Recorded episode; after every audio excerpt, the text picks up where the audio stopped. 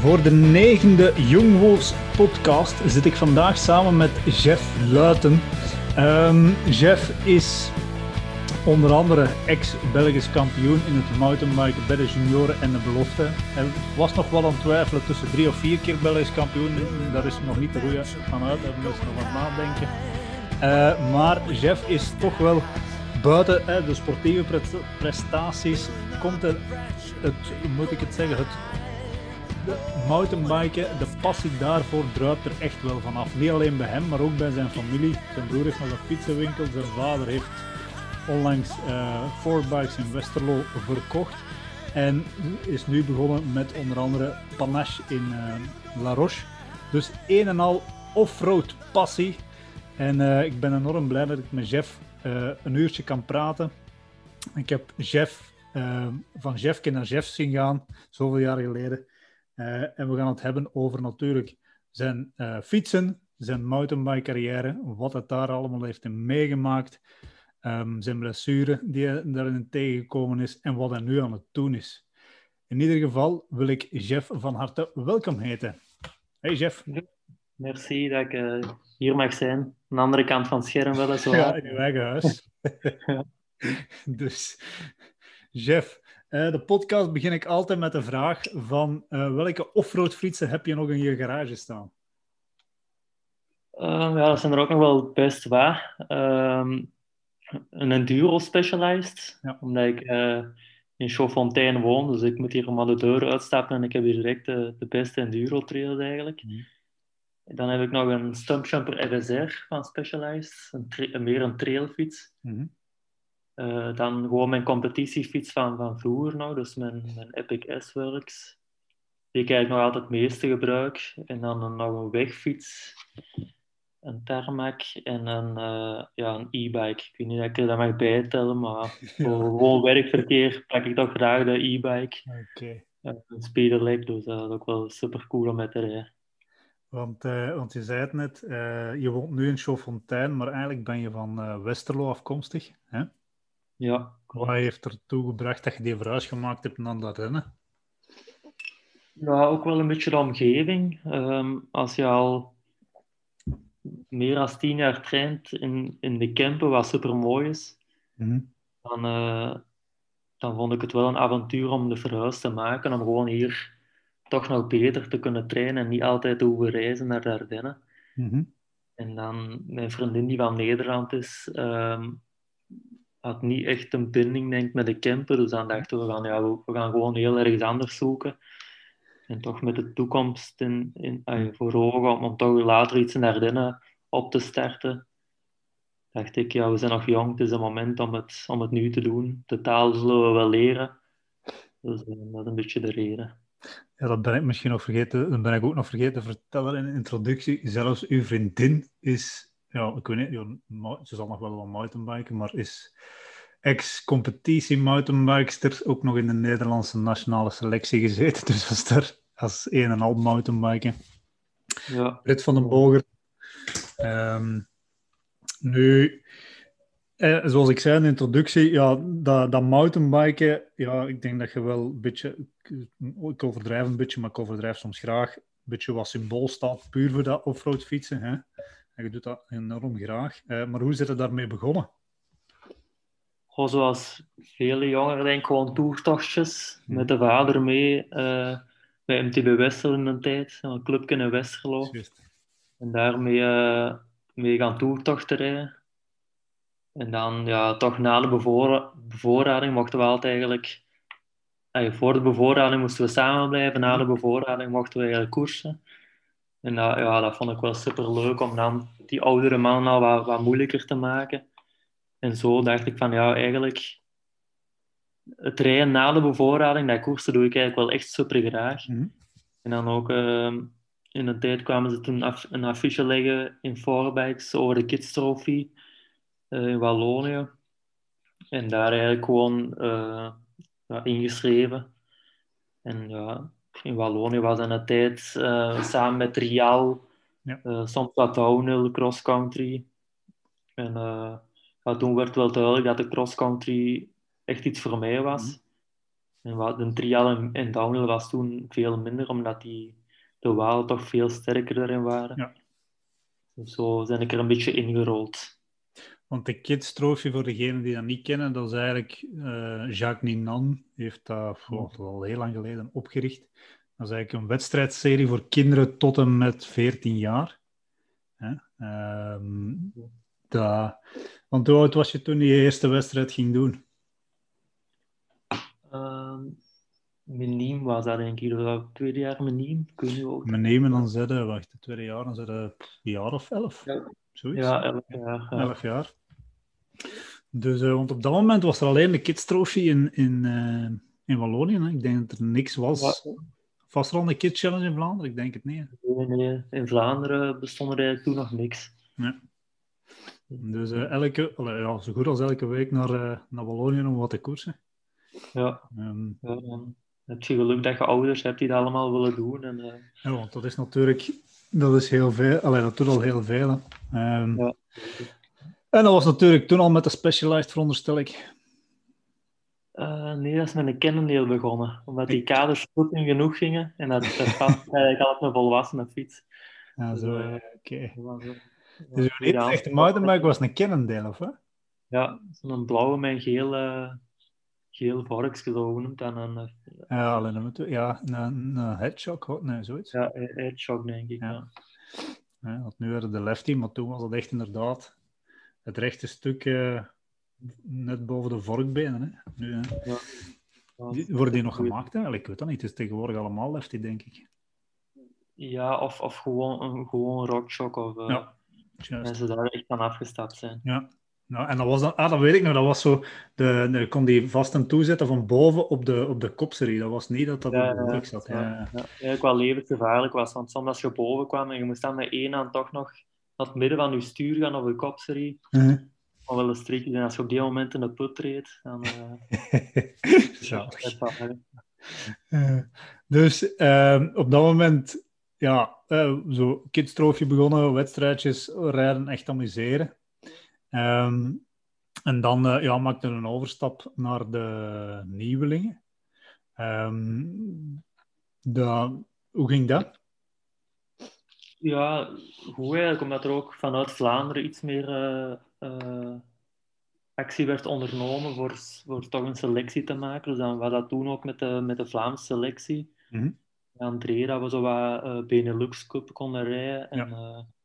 sinds toen is eigenlijk ook al wel um, ja, een hechte vriendschap ontstaan tussen de, ik zal ik al zeggen, de vorige generatie. Maar... Ja, eh, want ik heb eh, je zo de generatie Jens Schuurmans, de Didier Bats, de Bart de Voogd, de Olivier, Fabrice. Ja. Uh, mm-hmm. Misschien vergeet ik nog iemand, uh, maar ik denk dat dat zo wat degene waren waar, dat je, ja, waar jullie letterlijk mee opgegroeid zijn. Hè? Ja, ja en die, die zaten toen ook al wel bij, bij die Vlaamse selectie toen. Dus uh, ja, dat ik al van, van het begin toch al met die gasten begonnen eigenlijk. Ja.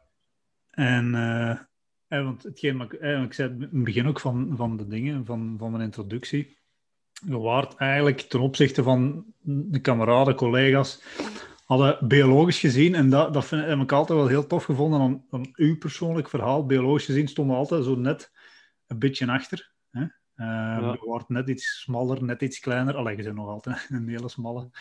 Uh, maar dat, dat heb ik altijd heel tof gevonden. En dan zeker op het moment dat je van die nieuwelingen naar de junioren ging, hè, heb daar denk ik wel een, serieuze scheut gekregen.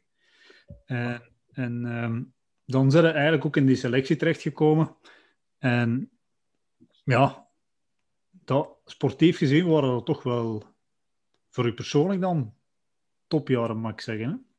Ja, alleen wat je zegt is helemaal waar eigenlijk. Dat ik uh, van jongs af, af nooit echt de resultaten heb gereden mm -hmm. die, die echt top waren. Mm -hmm. Maar gewoon dat dat elk jaar een beetje beter en beter ging, bleef dat me wel echt motiveren om, om ermee door te gaan. En dat is natuurlijk ook plezant als je elk jaar stapjes vooruit kunt zetten. Dan is dat plezant als je... Alleen dan, je verwacht gewoon niet te veel. Als je van heel, van mhm. heel jongs af aan ineens alles wint, ja, dan wordt het echt een opdracht. Dan wordt het moeilijk om elk jaar even goed te doen. Mhm. Want zoveel te ouder dat je wordt, zoveel te meer concurrentie komt er en zoveel te meer sterkere jongens komen eraan. Dat is wel een beetje mijn kracht geweest dat ik eh, nooit echt veel heb gewonnen in de jeugd. En dan Mhm. inderdaad, eerste jaar junior, ehm, heb ik alles kunnen proeven aan een internationaal circuit, dankzij de federatie eigenlijk. En dan eigenlijk van eerste jaar op tweede jaar junior heb ik een enorme stap gezet dat ik toen zelf nooit, had- nooit had gedacht. En, en wat, was dat dan voor u, die enorme stap? Ja, Concreet? ik, in, in Canberra toen het eerste jaar, eh, mijn WK als eerste jaar junior, Mhm. had ik een topresultaat op het WK, dat was twintigste. Mhm. Dus in die wereldbekers die daarvoor gingen, had ik maar één keer beter gedaan, maar voor de rest had ik altijd rond die twintigste, dertigste plaats, denk ik. Mhm. Waar, waar ik toen super content mee was. Als ik zag dat ik bij de nieuwelingen eigenlijk in de Benelux Cup moeite moest doen om, om een top 10 te rijden. Mhm. Dus dat werd ook duidelijk dat ik van nieuwelingen naar junior ook al wel een stapje had gezet. En dan werd ik als tweede jaar junior eigenlijk vijfde op het WK in, in, in Canada. Mhm. En toen eh, ook tweede in Chambéry, eh, op de Wereldbeker, derde in Val di Sole. Dus dan, dan was het eigenlijk van eh, een top 20 plaats te kunnen rijden bij de eerstejaars juniors.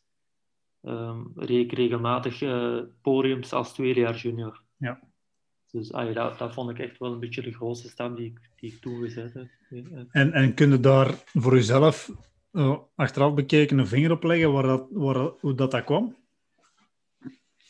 Ik denk gewoon een beetje het resultaat van, van goede ondersteuning. Dus eigenlijk eh, echt op een heel gezonde en correcte manier getraind, denk ik. Mhm. Dat ik gewoon altijd daardoor toch de juiste stappen bleef zetten. Maar dat ik ineens echt die grote stap, wat ik net zei, dat, dat was Mhm. voor mij ook wel een grote verbazing. Omdat van een twintigste plaats naar een, een vijfde plaats is, is toch wel Ja. serieus. Maar dan ook een hele goede winter gaat uh, in, ja, met, door de federatie, waarmee op stage kunnen gaan in Ja. Spanje. Dus dat waren ineens wel echt uh, hele goede winters. Goed kunnen trainen. Ik denk ook wel een beetje je plaats wat kennen, weten hoe je reageert op bepaalde trainingsvormen. Mhm. Dus ik, ik ben niet zo heel vroeg gestart met trainingsschema's. Ja. Toen, als tweede jaar junior, was ik toch al vier jaar bezig met trainingsschema's. Mhm. Dus dan weet je ook ongeveer, oké, waar, of de trainer vooral, want ik heb eigenlijk heel, altijd heel veel vertrouwen gehad in de trainer. Mhm. Dus die weet dan uiteindelijk ook wel van, oké, daar reageert hem goed op, daar reageert hem wat minder op. Ja. En waarschijnlijk daardoor dat toch een beetje tot een, uh, een goede recept is, is gekomen, om dan een stap voorwaarts te zetten. Mhm. Dus, ja. Uh, ja, want ja, die internationale resultaten, die, ja, die, allez, met die resultaten, ja, dat is de internationale top, daar moeten we niet te bescheiden over doen. Uh, maar dat je, je wordt ook, en dat is nog altijd, ja, ik hou zo wel om, van die statistiekjes, dat is nog altijd uniek, vind ik, is uh, langs de ene kant twee keer een Belgisch kampioen in die juniorencategorie. Ja. Ja, allee, dat is een, uh, ja, het zegt iets en het zegt niks, maar het feit dat ik er zelf al zoveel jaar in zit, er is nog altijd maar één die dat geflikt heeft. Hè. Ja, dat, dat weet ik niet. Nooit echt ja. mee bezig geweest. ja. Allee, uh, maar dat was toen, wacht, hè, Belgisch kampioenschap in uh, de Malmedy twee keer, denk ik. Hè? Ja, het is dat. Dus ja, ik moet zeggen dat ik heel veel geluk gehad heb met, met circuit ook. Hè. Ik was een, was een klimmer, zeker toen dat ik uh, niet junior was. Ja. Moest ik het echt gewoon hebben van een klimparcours. Ja. Had ik twee BK's ergens in... Uh, ja, in, in, halle geweest, om er iets te zeggen. Een halle geweest, had het, had het niet, niet, niet gebeurd, denk ik. Nee, nee. Oké, okay, ja, dat, dat, is... Ja. Ja, dat is ook... Natuurlijk, wel, ik denk, die periode hadden we drie jaar na elkaar in Malmedy, of vier jaar. Uh, dus inderdaad, je moet er inderdaad een beetje geluk in hebben. Uh, maar ik zie je nog altijd, zeker als eerste jaar junior, op die lange klim naar boven fladderen. Um, dat, dat was uw sterke punt, hè. echt dat pure klimmen.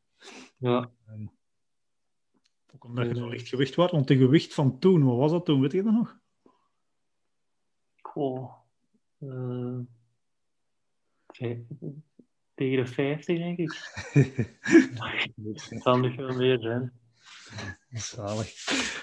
Dus ja, dat helpt dan wel, hè. Ja, dat helpt natuurlijk. En dan natuurlijk heb je een stukje genetische aanleg hebben, want ja, kun je nog zo licht zijn als dit, maar als, uh, ja, dan spreken de zuurstof niet genoeg getransporteerd wordt. Hmm. Dus, ehm, en dan uh, tweede jaar junior, heel goed resultaat neergezet uh, op dat WK. Sorry. Um, en dan uh, de kans, was toen al de kans dat je kreeg om als militair aan de slag te gaan? Ja, ik heb eigenlijk heel vroeg die kans gekregen. Eigenlijk. Er zijn eigenlijk nog weinigen die vanuit echt de jeugdcategorie junior mm een, uh, een, een, kans krijgen om bij Defensie binnen te komen. Mm uh, maar dat ook wel gewoon omdat je daar meteen voor gekozen ja. had. Um, en, en ook gewoon door mijn resultaat op die wereldbeker en op 2K. Mm En met uh, met het goede dossier dat ik binnengebracht heb, uh, dankzij ook de federatie die mij toen ondersteunde al. Mm-hmm. En, en mijn, mijn, trainer Peter Verhoeven, die echt wel een mooie werklevers. Ze waren bij Defensie ook wel direct mee. Mm-hmm. Aan mijn groeimogelijkheden nog. En ja. uiteindelijk een, een, internationale carrière. Mm-hmm. En, maar, want ik heb het met Jens er ook al over gehad, maar wat zijn voor u dan die grote voordelen geweest op dat moment? Ja, sowieso dat je ja, kunt fulltime trainen, maar ik weet eigenlijk niet dat dat het grootste voordeel is, want voor, mhm. voor sommige jeugd of, of atleten is dat soms wel een probleem. Ja. je, je, wordt ineens, hè, je doet je, je basisopleiding in Leopoldsburg. Mhm. En dan, uh, dan na acht weken zeg je ook oké, je hebt nu statuut en uh, je moet je normen halen. Mhm. En uh, maar dan moet je ineens wel zelfdiscipline een beetje hebben om te zeggen van oké, ik, sta, ik sta om acht uur op, ik eet, um, ik ga trainen. En als je dat niet hebt, dan denk ik dat het soms wel eens mis kan lopen, dat je te veel traint. Heel veel die in het begin overtrainen, mm omdat ze ineens niks anders te doen hebben dan fietsen. Ja. Dus dan, dan doen die ook alleen maar fietsen, maar dat, dat is heel gevaarlijk eigenlijk, mm om uh, overtraining te hebben. En dan ook gewoon zien dat je ja, dat er toch echt een, echt een systeem in komt. En dan moet je inderdaad een goede begeleiding hebben die een mooie jaarplanning opstelt. Mhm. een, een, weekplanning, zodat je echt wel, uh, dat je echt wel mensen rondom je hebt die een beetje kunnen, kunnen intomen. Mm Maar op dezelfde moment ook wel kunnen blijven motiveren. En dan, dan heb je geluk natuurlijk met, zoals Defensie, die, die zetten een normen mm zo in dat dat heel stelselmatig naar boven gaat. Dat ze niet ineens verwachten dat je daar als eerste jaar belofte podium rijdt. Maar de eerste norm is, is, eh, is wat dat toen twee keer top 25 in de wereldbeker. Ja. En dat is wel heel haalbaar. En dan als tweede jaar belofte is dat twee keer top 20 en zo gaat dat stilletjes aan naar boven. Dus dat geeft u als jonge renner ook wel gewoon een beetje de, de rust in uw kop om, om, om niet, niet te stressen en om gewoon stil, stilletjes aan beter te worden. Dus dat is echt wel een heel goed eh, systeem eigenlijk. Ja, want je hebt het nu over, over, die, over die normen halen, of, of sorry dat je die hebt. En, en, eh, en als je die, eh, het behalen van die, wel of niet behalen van die normen, wat, wat consequenties had dat? Um, ja, bij Defensie werk ik eigenlijk zo met, met een groen kaart, een oranje kaart en een rode kaart. Mm -hmm. Dus als je eigenlijk als eerste, jaar, als eerste jaar dat je je statuut hebt, bent je eigenlijk vrijgesteld. Hmm. Omdat, je, omdat er in dat jaar zit ook je opleiding nog. Sommige atleten hebben daar een beetje moeite mee om, daar, om ineens uh, een, een vorm terug te, te pakken eigenlijk. Hmm. En, uh, dus het eerste jaar bent je vrijgesteld. Als je nu bijvoorbeeld het tweede jaar, je hebt altijd twee normen. Als je één norm herhaalt, hmm. uh, heb je een oranje kaart. Dus dan, dan moet je, je moet sowieso voor een commissie komen op het einde van het jaar.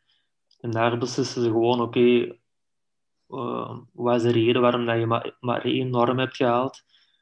En zo gaan ze eigenlijk met mensen... Uh, die commissie bestaat uit, uit mensen van BOIC, uh, eh, Sport Vlaanderen, FCWB. Dat zijn echt wel, wel mensen die er echt iets van kennen.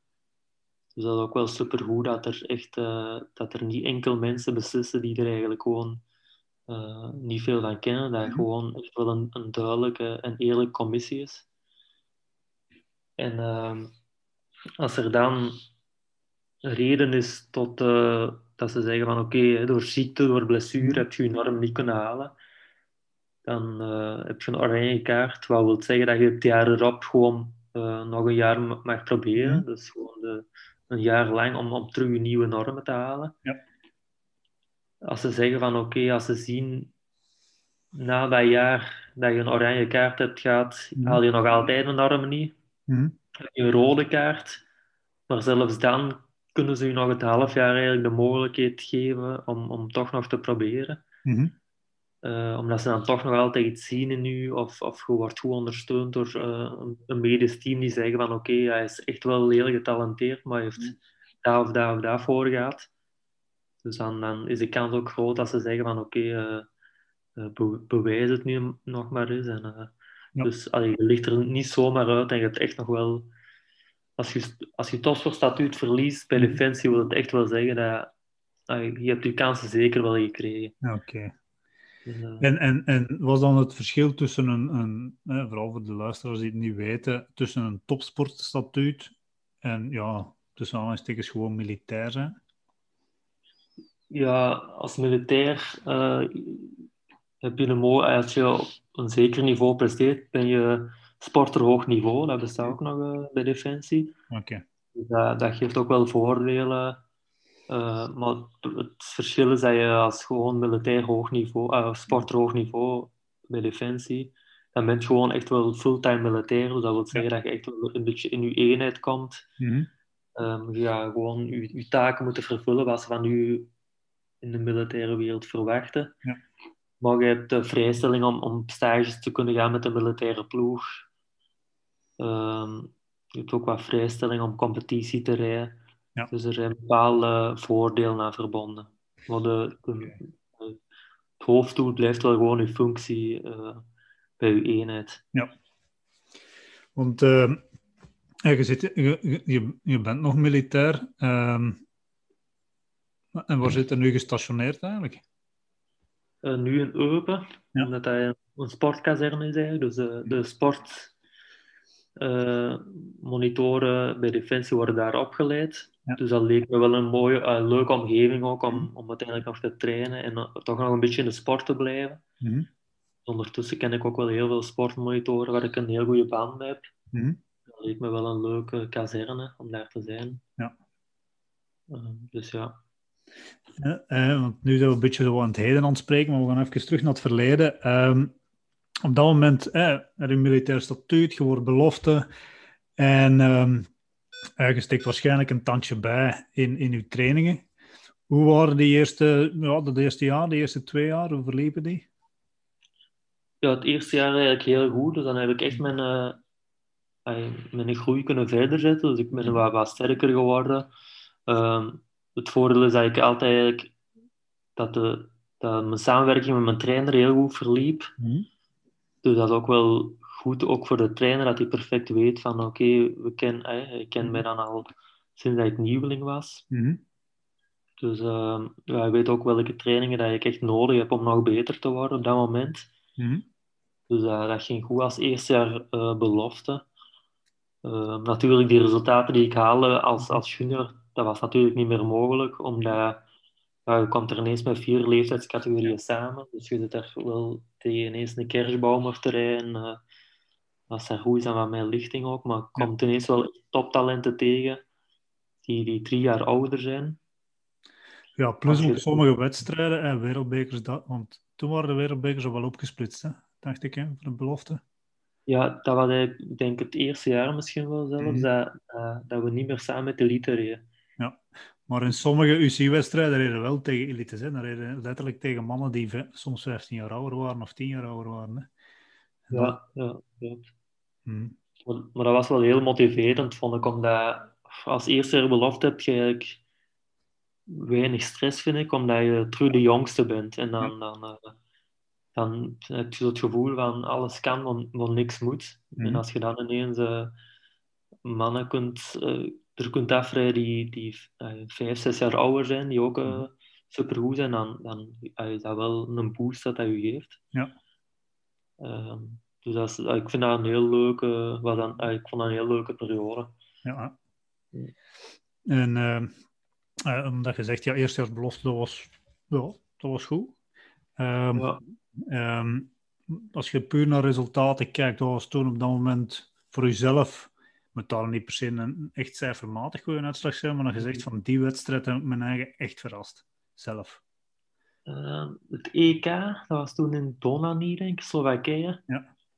En dat ook weer ja, heel warm, echt een klimparcours. Mm En ik had toen ook wel in de, in de vorm van, van mijn leven toen, Mhm. was ik zevende, had, ik zevende geëindigd. Eh, als eerste jaar belofte op een EK. Dus dat, dat was voor mij echt wel een bevestiging dat ik in die categorie ook nog wel hetzelfde kon bereiken wat ik in de tijd bij de juniors een beetje had gedaan. mhm.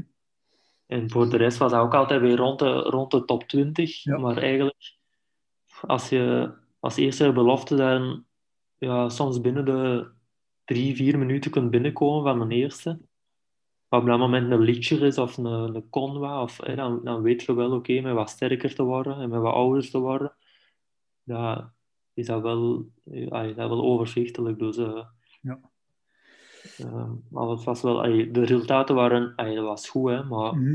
het was belangrijker dat die rondetijden goed waren, dat, dat we niet eh, Mhm. op 10 minuten van een eerste binnenkwamen. Dus, eh, Nee, maar als eerstejaars belofte internationaal zijn dat gewoon goede resultaten. Punt. ja. En zelfs als je verjaarsbelofte eh, is dat ook nog niet al te slecht. Maar als eerstejaarsbelofte, dat zijn gewoon goede resultaten. Je moet dan niet... Ja. Eh, en inderdaad, als je, eh, eh, en tijd is er ook een hele belangrijke in. Hè? Het, eh, het tijdsverschil tussen de eerste en, en uw plaats. Eh, ja, sommige parcoursen is de, tussen de eerste en de vijfde zit er drie minuten. En op sommige parcoursen tussen de eerste en de, en de 35ste maar vijf minuten. Dus het hangt ook weer van die parcours nou die er die Ja. Ja. Eh, en dan hebben we eh, als eerstejaars eh, gezegd, oh, ja, mooie resultaten neergezet. Je begint je voorbereiding voor je tweedejaars. Was dat dat jaar dat je met Jens naar dingen bent geweest, naar ehm, Zuid-Afrika? Eh, derde jaar. Ik was een derde jaar belofte, Jens werd tweede jaar. Ah, zo. Dat is een jaar jonger uiteindelijk. En dan dat tweede jaar, hoe zat dat? Ja, dat was, eh, dat was al wat meer met ups en downs eigenlijk. Toen dat is eigenlijk een beetje mijn, mijn problemen met mijn Lise wat begonnen. Dus ehm, ja, daar, ik toch nog altijd, daar heb ik eigenlijk de stap niet kunnen zetten dat ik verwacht had. Mhm.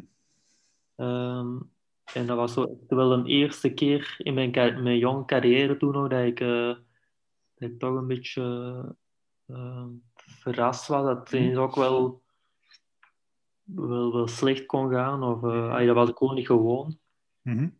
En ehm, ja, daar heb ik wel echt uitschieters gehad Mhm. bij wedstrijden. Ik kan me nu niet direct herinneren welke, juist, maar ik weet wel dat ik toen van mijn eigen kon zeggen van oké, eh, ik ben nog altijd wel, wel goed en ik, ik heb Ja. nog altijd wel de indruk dat ik stappen kan zetten, maar het zal precies niet voor dit jaar zijn of zo. Het Ja, blijft iets constanter.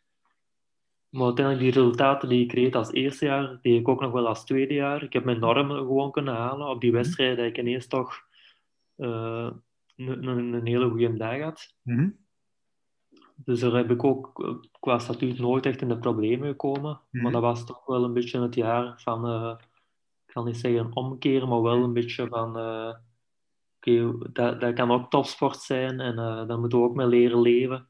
Ja. Dus als men, vooral mentaal was dat wel een jaar ehm, eh, dat wat moeilijker was misschien. Ja, want eh, je vertelde het net zo heel vluchtig zelf zo, eh, het probleem met mijn leasen. Ehm, want da- Mm. daar is het eigenlijk, ja, heel die problematiek wel begonnen. Voor- want kunnen we daar zo wat meer over vertellen wat er eigenlijk juist gebeurd is toen? Ja, dat is... Om nu terug te kijken, want op dat moment wisten eigenlijk, denk ik, niet te goed wat er aan de hand was, hè? of wel? Nee, maar dat hebben we heel lang eh, niet geweten eigenlijk. Dus dat was zo... Ja, die, die regen rond Ulise, dat is zo... Ja, in het begin denk je van, ja, mijn benen verzuren, ja. Hm. Iedereen zei een beetje van, ja, dat is normaal als je tegen, tegen meer dan 300 watt elke klim naar boven sprint, ja, dan, dan verzuurt iedereen wel. Ja. Ergens had ik zo het gevoel van, oké, dat, dat heb ik gewoon de vorige jaren niet gevoeld. Mhm. En mijn prestaties waren nog, nog altijd goed. Dus, allee, ik wou ook niet de, de kerel zijn die zo uitvluchten begon te zoeken of een beetje zager overkwam. Mhm.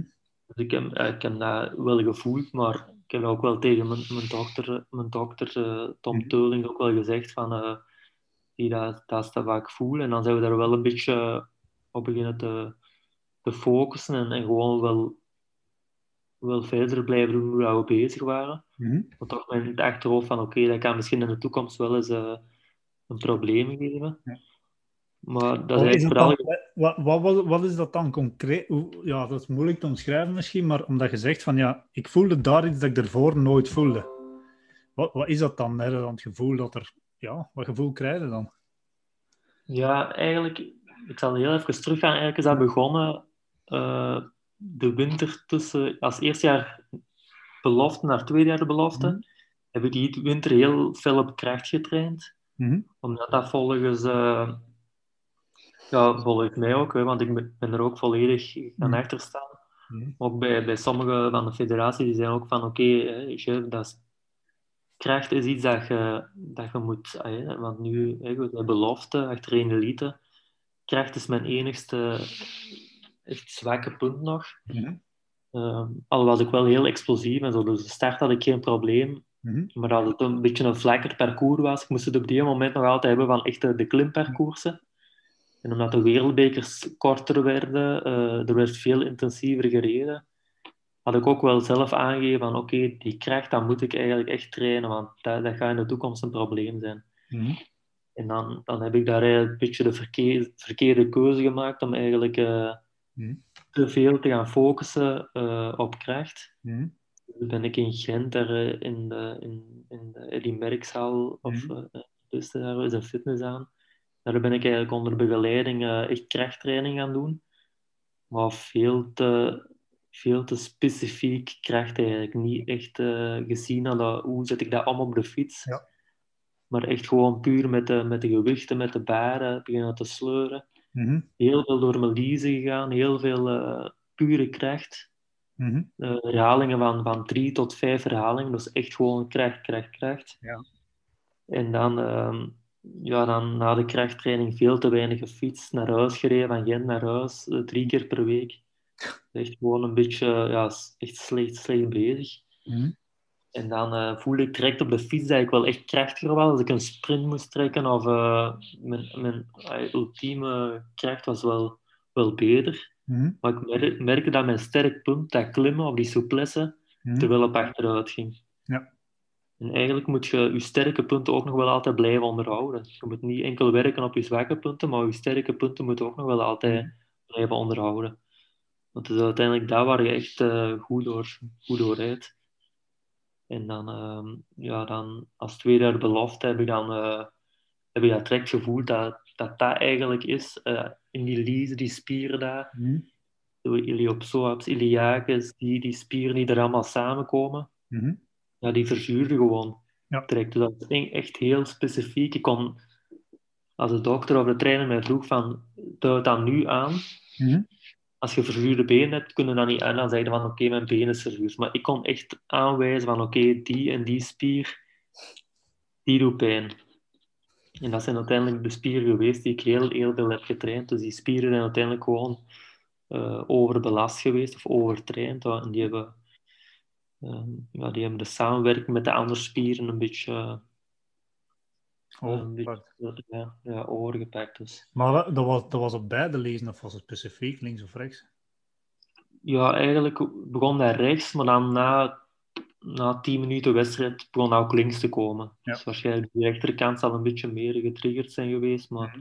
uiteindelijk was het echt wel beide kanten. Mm Ja, en dan uh, moet je daar mentaal mee leren omgaan. Zeker als je ja, die jaar ervoor gewoon zit van alleen maar bij wijze van spreken omhoog te gaan. Hè. Um, ja. Ik denk dat dat inderdaad niet uh, sportief gezien niet de meest makkelijke periode was om, om, uh, om door te komen. Maar daar raakte je dan door. En dan gaat het naar je derde jaar als belofte. En toen? Ja, toen, dat was dat jaar dat ik met Jens naar Zuid-Afrika mhm. ging. Dus hadden we nog altijd een, topbegeleiding uh, van Versluis en uh, de federatie. Die was echt... Ah, ja, voordat we verder gaan, want dat is misschien nog wel een leuke. bij welke ploegen heb je eigenlijk allemaal gezeten?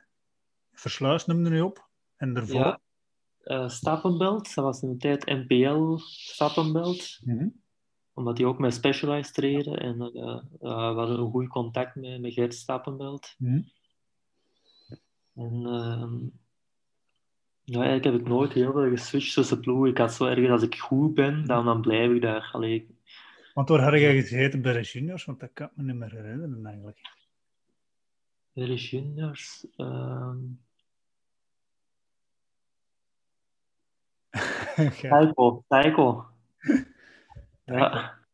Psycho. Ja, Psycho, ja, juist, ja. Oh, schandalig. Ja, dat is juist, ik heb er ook bij gereden. Oh, dat is... Uh, sorry, Ben.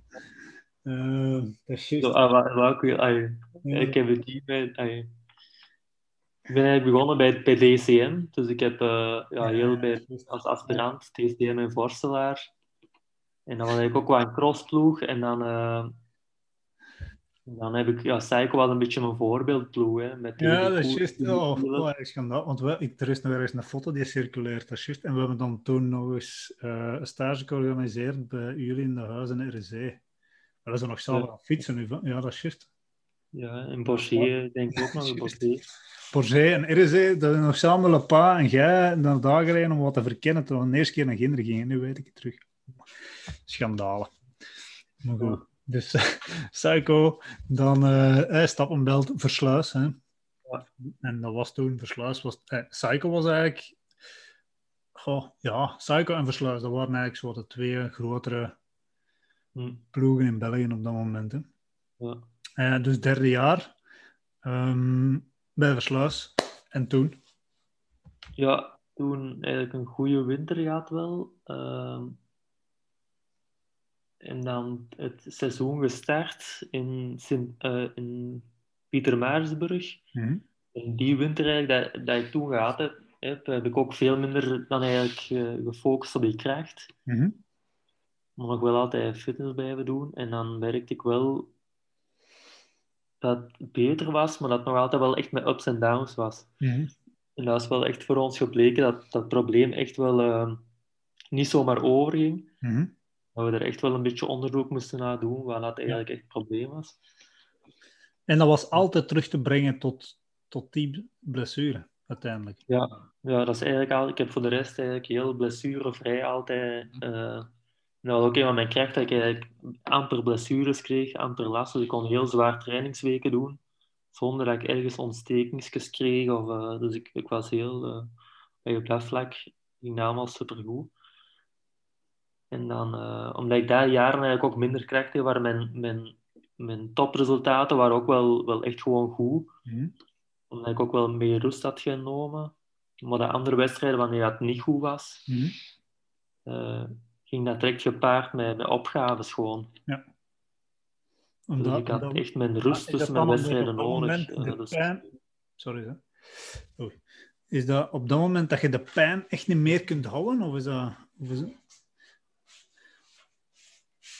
Ja, de pijn, uiteindelijk heb je niet zo heel veel pijn meer, maar zijn je benen voelen zo verzuurd aan mm -hmm. dat je gewoon aan per 100 watt kunt trappen. Dus uh, je, je, moet gewoon losrijden, heel, heel, uh, hele mm. wedstrijd. Ja. Dus als er een steile klim is, moet je bijna afstappen omdat je zo traag rijdt. Je kunt gewoon niks kracht meer in je benen zetten. Dus dan de wedstrijd gaat dan goed. En je, kunt, je voelt dat ook niet echt aankomen. Dat is, dat is daar ineens. Hè. Je voelt die liezen vol, ah, je voelt die benen volop. En dan bij normale verzuring, hè, je doet een afdaling, die verzuring trekt wel weg en je terug... Mm. Uh, power om, om de volgende klim te doen. Dat was, dat was echt gewoon een, een curve naar beneden. Die, uh, uh, als dat erin kroop, dan, moest ik, dan mocht ik 20 minuten naar beneden rijden. Mm. De klim die erop volgde, was, was gewoon, kon ik niet meer oprijden. Dus dat was, uh, ik heb toen ook soms, soms gehad van, oké, okay, ja, het laatste dat je doet is opgeven. Ja, mm. Ik ben ook van die mening van, ik zou nooit opgeven. Mm. Um, maar natuurlijk, als je gewoon een berg niet open, uh, overgeraakt en je zit er gewoon tegen twee per uur naar boven te rijden en je wordt er toch uitgepakt door 80%, ja, dan, dan, en je weet nog niet 100% wat het probleem is, ja, dan is het eigenlijk maar gewoon dom om, om door te rijden, ja. om toch maar niet op te geven. Dus uh, ja, dat was dan eigenlijk gewoon de enigste oplossing. Om gewoon op te geven, goed te rusten Mhm. en dan hopen dat de volgende wedstrijd terug beter was. Ja. En zo een pa- ja, ja, een heel seizoen of seizoen, een komend seizoen waarschijnlijk ook. Ja, zo was dat constant waarschijnlijk. Ja, zo, zo zag het seizoen er dan wat uit. Hè. Als ik naar huis kon, hè, zoals bijvoorbeeld Sint-Pieter-Maarburg moest ik, moest ik opgeven. Mhm. Een week later in Cairns in, in Australië werd ik ineens vierde.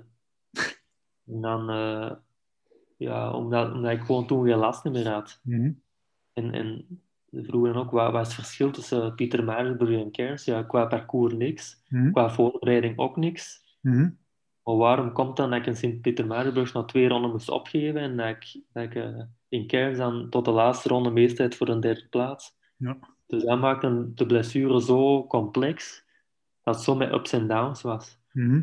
Dat we ook zeggen dat het echt wel in een hele klein hoekje ergens eh, verscholen zat. Ja. En dat er enkel maar uitkwam op, op, heel, eh, ja, op, op momenten dat je het zelf niet, niet verwacht. Dus dat maakte het heel frustrerend soms. Ja. En ehm, ja, want die twee die je nu opnoemt, dat was meer begin seizoen. Ja, Ja, dan kom je terug naar hier, naar Europa. En ja, hoe, hoe ging je seizoen dan? Hoe, ka- ja, hoe ging dat verder? ja, dat, ja, als je natuurlijk thuis bent, dan heb je iets meer, beter eh, ja, omkadering. Je hebt je eigen kinesist terug, je kunt naar je eigen masseur. Dus je kunt wel je, je lichaam iets meer rust gunnen. Mhm. Maar als er dan op het einde terug een, een drukke periode aankwam, met, met drie, vier belangrijke wedstrijden achter elkaar, Mhm. ja, was, was terug gewoon een beetje, eh, een beetje eh, hopen dat dat het wel goed ging. Maar meestal, als er drie, vier wedstrijden achter elkaar was, Mhm. dan wist ik al dat dat, dat, dat niet goed ging komen. Omdat ik te weinig rust had om, om, eh, om die spieren en liezen die rust te gunnen. Mhm. Dus dan was dat meestal echt gewoon een, een, een,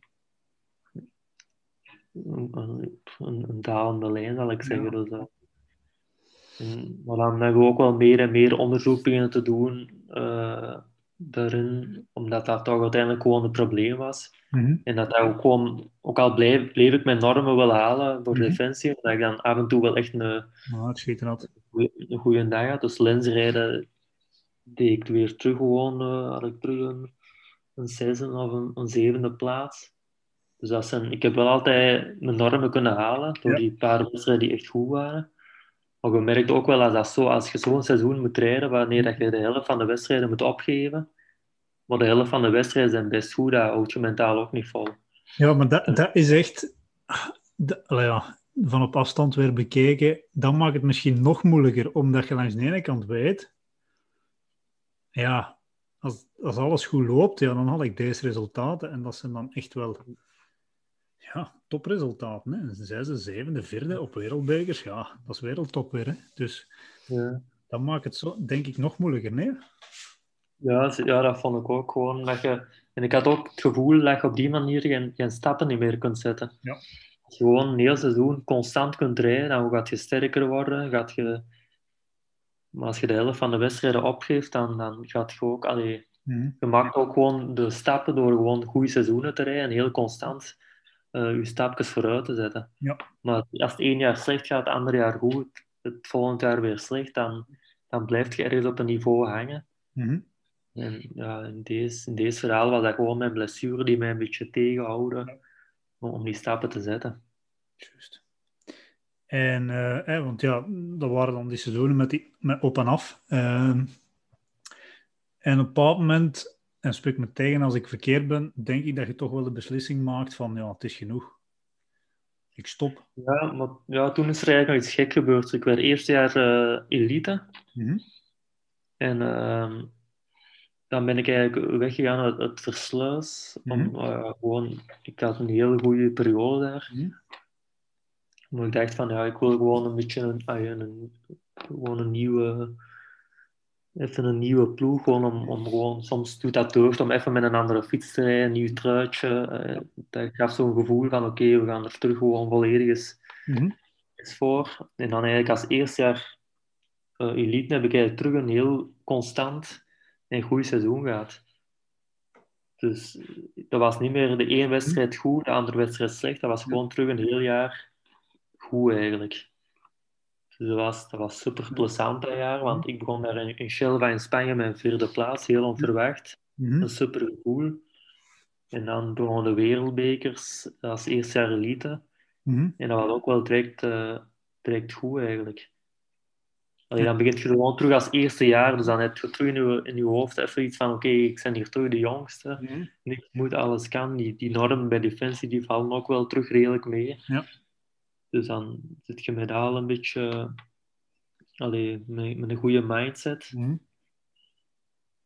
En dan ook weer met normen kunnen halen. Eh, een paar uitschieters eh, in lensrijden, dacht ik. eh 17 of zo, rijdend voor een 14e plaats. Als eerste jaar elite. Dus dat zijn, allee, Dat is goed. dat zijn heel, heel goede wedstrijden. Mhm. En toen dacht ik echt van oké, dit is terug een goed jaar. En nu kan ik terug mijn stappen vooruit blijven zetten. En dan, ehm, ja, tweede jaar, toen ik tweede jaar eh, elite was, dan was zowel wat de selectie, ja, dat 2016 was. Mhm. Dan was dat de selectie voor de Olympische Spelen. Mhm. Dus dat was ook wel natuurlijk mijn doel, zoals heel velen. Ja. En we zaten toen ook echt wel met een, met een hechte groep.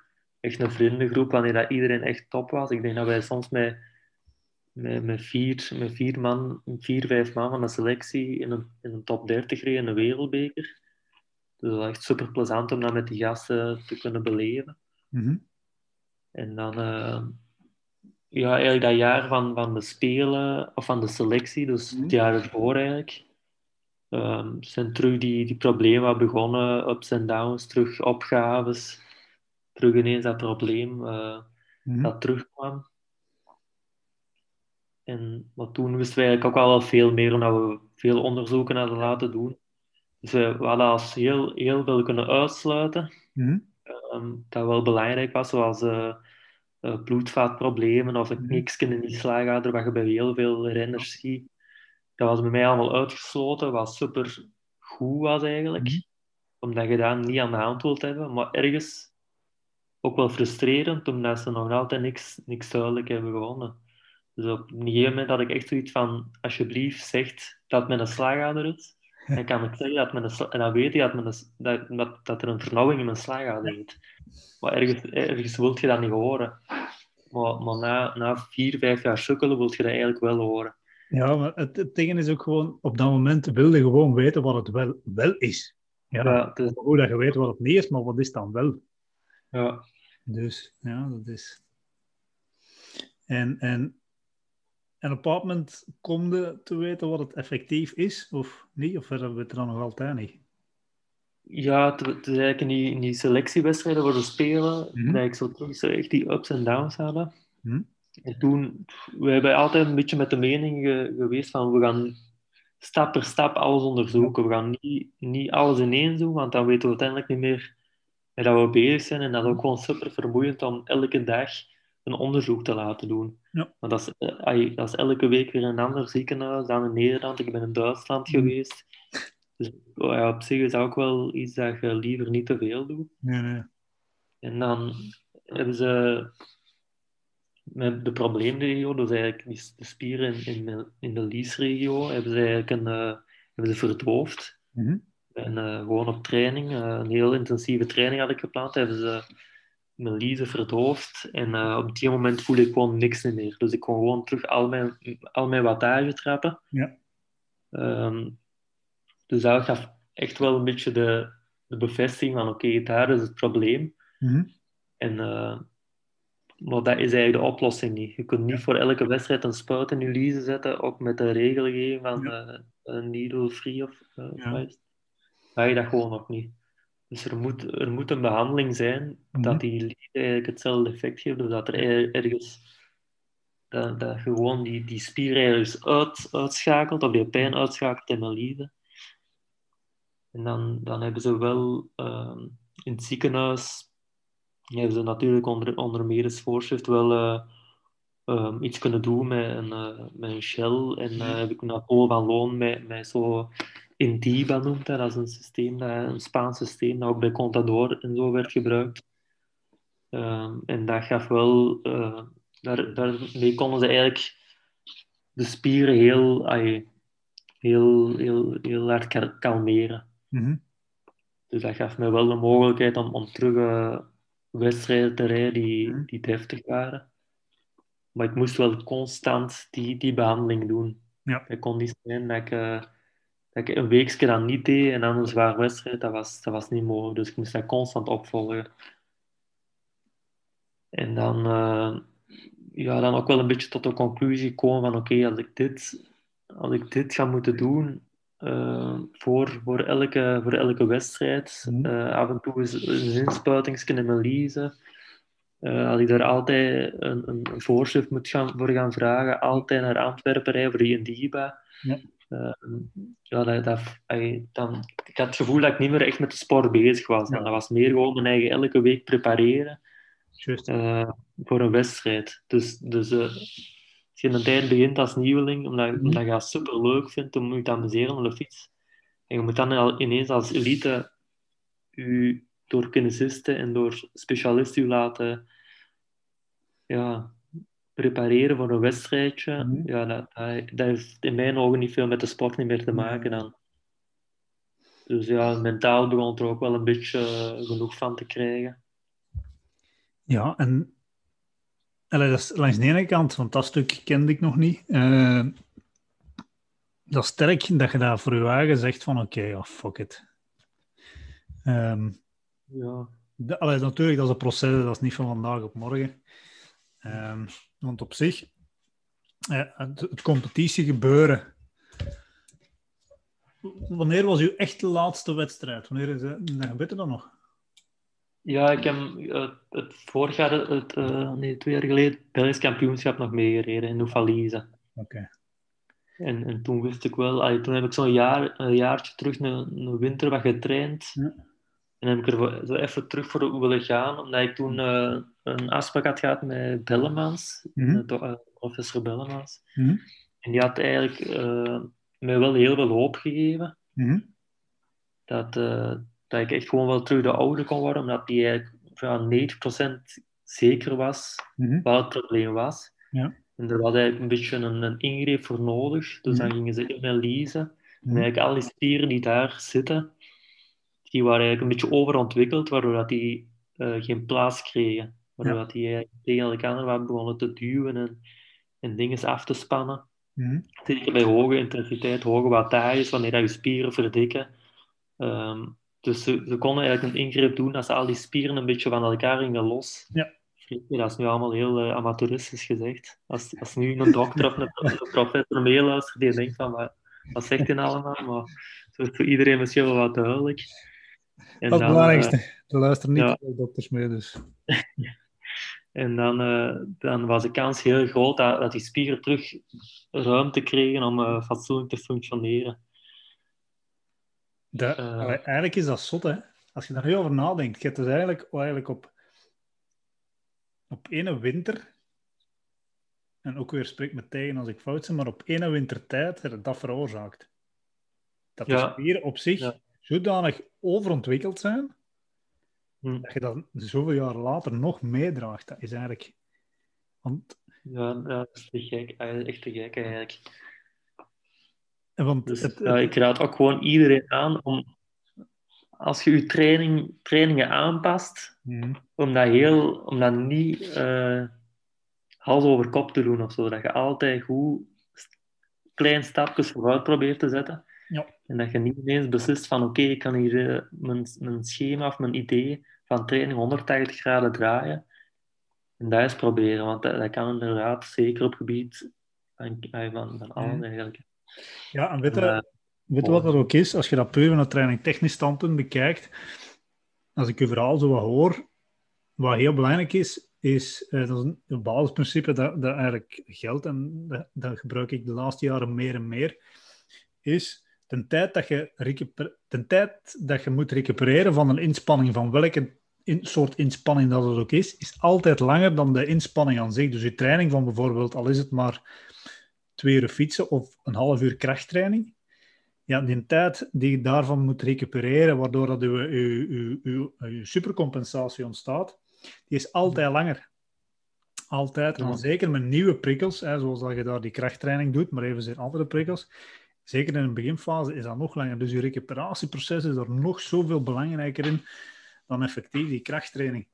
En je ziet ook, en ja, ik denk op dat moment, als je uh, helemaal teruggaat in dat eerstejaars belofte, waren het toen al volgroeid echt? Ik denk het niet, hè? Of wel? Nee, ja, ik, ja, ik, wat je zei, ik ben altijd mager geweest. Hè, dus uh, dat echt een, een breed zal ik nooit worden. Maar ja, op die moment dat is toch nog altijd... Ik ben pas echt later volgroeid ge, geweest. Dus uh, waarschijnlijk ook niet. Hè, dus uh, mm. ja, het was... Ja, het kan zijn dat dat, dat, dat allemaal goed dat dat goed uitdraait en dat die krachttraining ineens echt een boost geeft. Ja. Dat is, ik was er ook zelf zeker voorstander van om dat te doen. Krachttraining op, dus- zich, krachttraining op zich is, als je dat goed aanpakt en je doet dat zeer geleidelijk en noem maar op, en je, is dat echt een meerwaarde. Alleen ja, als je daar nu op terugkijkt, er gewoon, je stap was op dat moment te groot. Ja. En, en, en ik denk dat de mensen die daar uh, toen me begeleiden ook iets te weinig feeling hadden met de sport, met de mountainbike. Als je ziet er allemaal pistiers aan het trainen waren. Mm Wat wel inderdaad echt trainingen zijn voor pistiers die, mm die 20 seconden moesten sprinten. Als ik toen na mijn krachttraining uh, periode een sprint van 30 seconden moest doen, mm dan was die sprint ook veel krachtiger en sneller mm als twee jaar geleden. Maar, maar 30 seconden sprinten in een mountainbike doet je in de start en dan moet je gewoon op een niveau komen dat je een hele wedstrijd 300 watt kunt trappen. En af en toe is een bergje naar boven sprinten, maar dat zijn niet die absolute vermogen die je moet, moet, uh, moet hebben. Eigenlijk. En, en allez, zoals die XCO-discipline nu vooral hè, geëvalueerd is, dat zijn die korte, krachtige inspanningen nog meer dan vroeger. Maar dat valt nog altijd bijvoorbeeld niet te vergelijken met inderdaad, al is het de kilometers sprint in, op de piste. Dat is gewoon een totaal andere discipline. En die krachttraining is nodig, maar de, de weg van de geleidelijkheid, hè, dat, is, uh, is nog altijd uiteindelijk de beste weg. Uh, maar ja, oké, op dat moment, in al uw enthousiasme en in uw ambitie, ja, ja maakte die tussen aanstekens die fouten achteraf bekeken. Maar goed kunnen ook niet meer, kunnen niet meer terugdraaien. Ja, en, verwacht, verwacht natuurlijk ook nooit dat dat zo, dat dat zo lang gevolgen kan hebben. Hè. Nee, want ik, ik weet nog, hè, want uiteindelijk, hè, Peter ken ik ook natuurlijk, um, maar toen, ja, volg, allez, ik volg alles nu nog altijd, maar toen volg ik die, eh, jullie allemaal zo wel wat van op afstand. En ik weet dat ik, eh, en zeker de, het, het verschil tussen tussen de, de, eh, de junioren en dan in die belofte categorie was eigenlijk achteraf bekeken heel groot. En dan, allee, dat was heel raar. En Tom ken ik dan ook. Allee, dat was dan... Ik wist op dat moment niet concreet wat er aan de gang was maar dat was...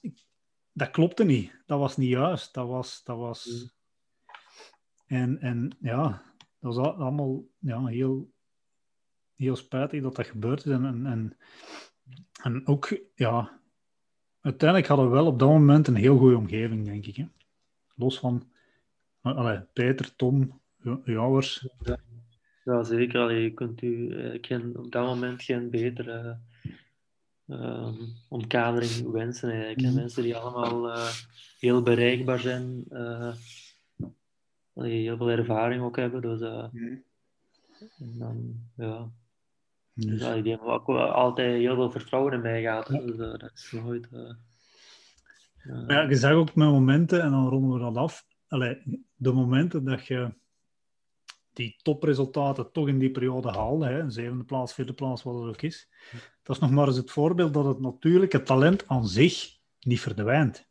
Het is gewoon inderdaad door die blessure dat, dat, ja, dat er een rem op komt.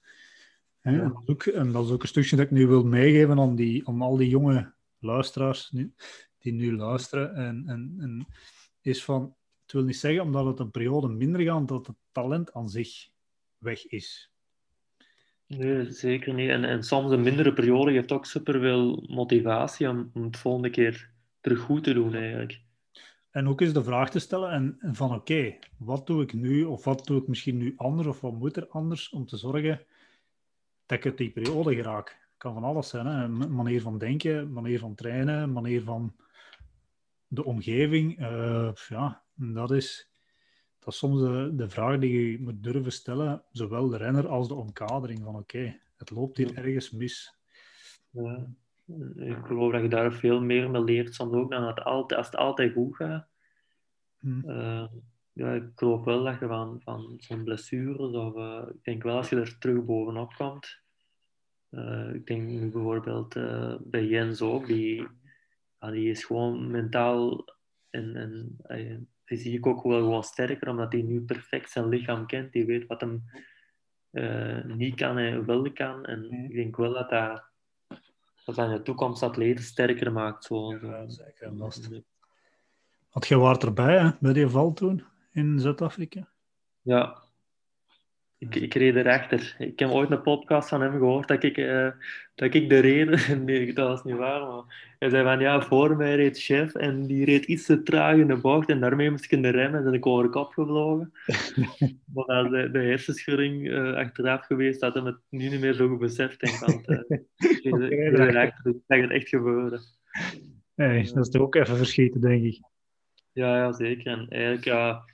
Um, er leek eigenlijk niks aan de hand. Hè. Allee, ja. Weten allemaal dat, dat, Jens van, van ijzer is. Allee, bedoel, ik heb nu al ja. als ik dat moest zijn, dan zou ik elk been, elk spot en, en uh, in mijn lijf gebroken hebben. Maar uh, ik kan wel wat hebben. Maar als, je dan, als hij dan s'nachts wakker wordt en, en zijn kopkussen is wat, wat rood omdat hij met zijn oren gebloeid heeft, dat, dat, is toch een teken dat er echt wel iets aan de hand was. Zotte. Uiteindelijk heel veel, heel veel geluk gehad ook. Ja. Want je dat samen ook in de opleiding gedaan, dacht ik, hè, bij de militairen?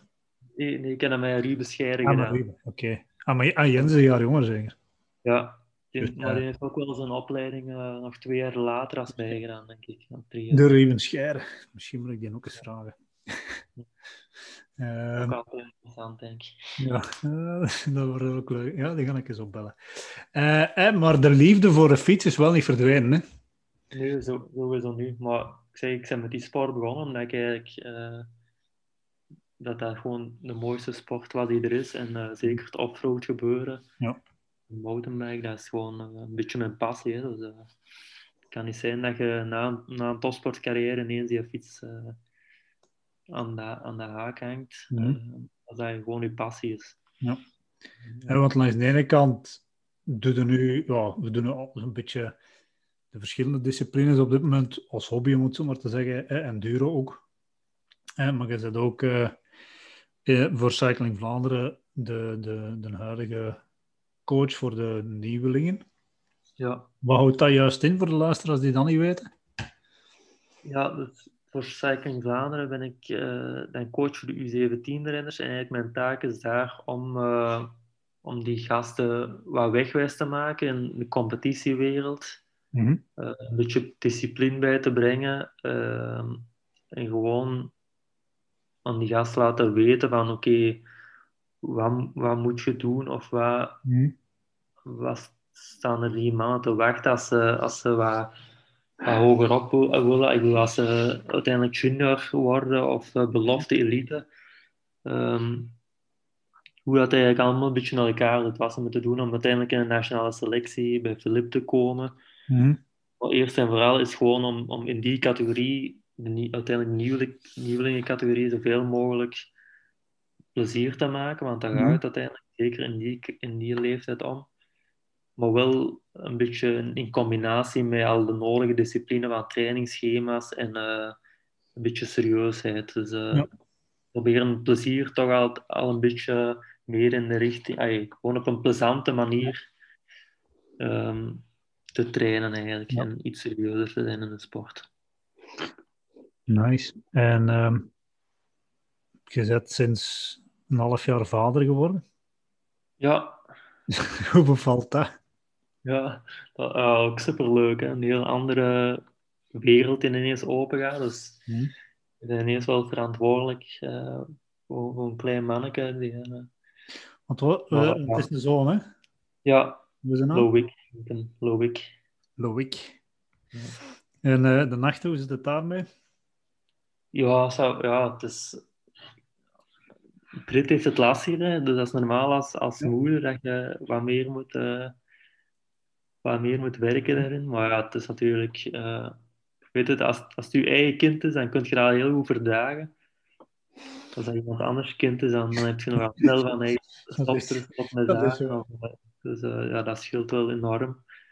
En, maar ja, het is, het is superleuk. En zeker, hij wordt nu wat groter en hij kan al wat meer. En, um, dat is iets attenter, dus dat is hm. alleen nog maar, maar leuker worden, denk ik. Ja, nee, nee, nee. Dus. En, en elke periode heeft zijn voor- en nadelen en alles gaat in fases. En, ja. Maar je gaat er hier nog mee amuseren. Ja, ja. Ja. Um, nu, was, was voor u de, de nabije toekomst, wat, wat, wat, je bent nu nog militair, denk ik, of wat, wat ja. doet u dan echt? Eh, want uh, uh, wat, wat dat je bij Cycling Vlaanderen doet, dat is iets uh, echt dat je doet vanuit een passie. En, en, maar dat is niet echt je job, hè? Um, nee, dat doe, dat doe ik echt gewoon omdat ik altijd iets had van ik wil iets voor de jeugd doen. En dat is een super coole categorie om, om daar uh, mijn ervaring mee te delen. Mm -hmm.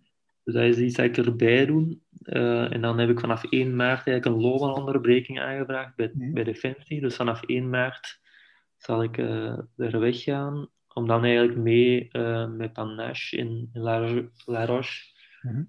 zal ik mee mijn ouders wat, wat helpen met de, met de zaak daar. Ja. En uh, ook wat meer het, het fietsverhuurbedrijfje uh, wat uit te breiden.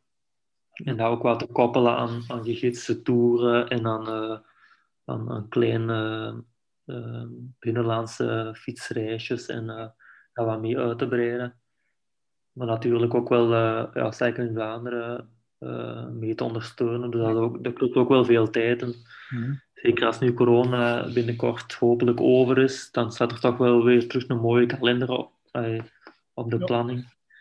Dus um, ja, daar wil ik ook wel wat meer mee bezig zijn. Dus daar zal ik ook wel wat meer de tijd voor krijgen om, om meer met die gasten wat meer op te volgen. Mm. en je hebt ook een, een, een passie, allee, passie, ja. Je drinkt graag al eens een koffie, dan moet zo zeggen. Ja, zeker. Dat is, eigenlijk, ja, dat is eigenlijk een beetje gekomen in Stellenbosch, als ik daar met Jens in Zuid-Afrika zat. Mm. En daarvoor dronk ik geen koffie, maar met al die koffiebarken daar, en dat is echt zo'n beetje een cultuur, dacht ik van, uh, ja, kom ik pak eens een koffie. En dat was een heel ander... Mm. Een heel andere smaak dan dat we het hier in België kennen. Ja, hier heb je ook de goede koffiebars natuurlijk, hè, maar en gewoon die, de, ja, die cultuur die daar heerste. En dan ook in Girona en zo. Uh, ja, ben ik toch wel een beetje in de...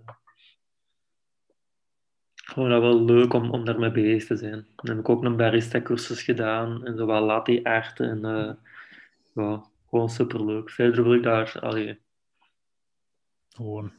Ja, gewoon echt, echt uh, interesse gewoon. Ja. Allee, dan zijn er geen koffie beginnen drinken in een tijd bij Psycho dan, of hè?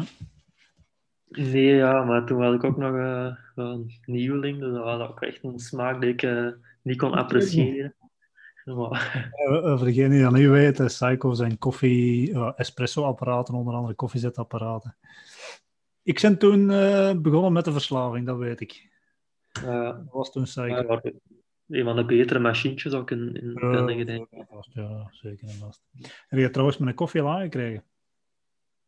Nee, die moet, uh, die moet nog aankomen. Heb je nog geen mail gehad? Van B-Post? Nee, dan, uh, nee, ook niet. Maar, nee, dan, dan, nee, maar dan, dan, komt dat wel in orde. Dan, uh. Dat komt ja. Zeg, we gaan afsluiten. Ik wil nog twee dingen weten. Eén, uh, favoriet, de twee favoriete mountainbikeplekjes. Eentje in eigen land en eentje in het buitenland. Naar waar zouden de mensen willen sturen? Uh, in, in België gewoon La Roche. Naar La Roche en overnachten in. Heel nee, nee, maar La Roche is een beetje gewoon, dat ligt naast Oefalize. En ze kennen allemaal Oefalize als het mekka van een mountainbike. Wat ook wel is met de wereldbekers en een heel mooie geschiedenis. Mm -hmm. Maar puur qua trails um, ligt La Roche eigenlijk ook wel vol. Uh, La Roche ligt in een, in een dal en er rond is, is heel veel single tracks eigenlijk. Dat is Ja. heel mooi om te rijden. Mhm. En in het buitenland oh, er wel mooie plekken. Hè. ik denk wel een beetje. ehm, eigenlijk denk ik misschien gewoon de Vogezen. Ja. Omdat je daar echt eh, heel, eh, ik zou zeggen, loamy trails hebt. Echt zo super leuke ondergrond. Mhm. En de, het zijn nog niet echt het, het hoge bergte, dus je bent overal nog wel redelijk snel boven. Ja. En de afdalingen lijken super lang. Dus, eh, en ook gewoon heel ruwe natuur. Dus ik denk Ja. gewoon de Vogezen altijd, ik wel echt een topplek vind. En perfect doen met een auto. Hè. Ja, ook al. Je kunt, eh, ja, van bij jullie is het dan misschien vier uur, van hieruit is het een uur of vijf, vijf en een half. Ja. En geen peage, ook al niet. En eh, de twee meest toffe plekjes van Jeff Luiten. We gaan hier afronden, Jeff. Dikke merci om eh, meer dan een uur toch weer te babbelen. Heel graag gedaan. Zoals je in uw berichtje schreef, als het een meerwaarde is voor de podcast, wil ik het gerust doen. Het was een meerwaarde. En. Voor de luisteraars, eh, deel deze podcast gerust en laat je comments achter. In ieder geval, tot volgende week en eh, bye bye.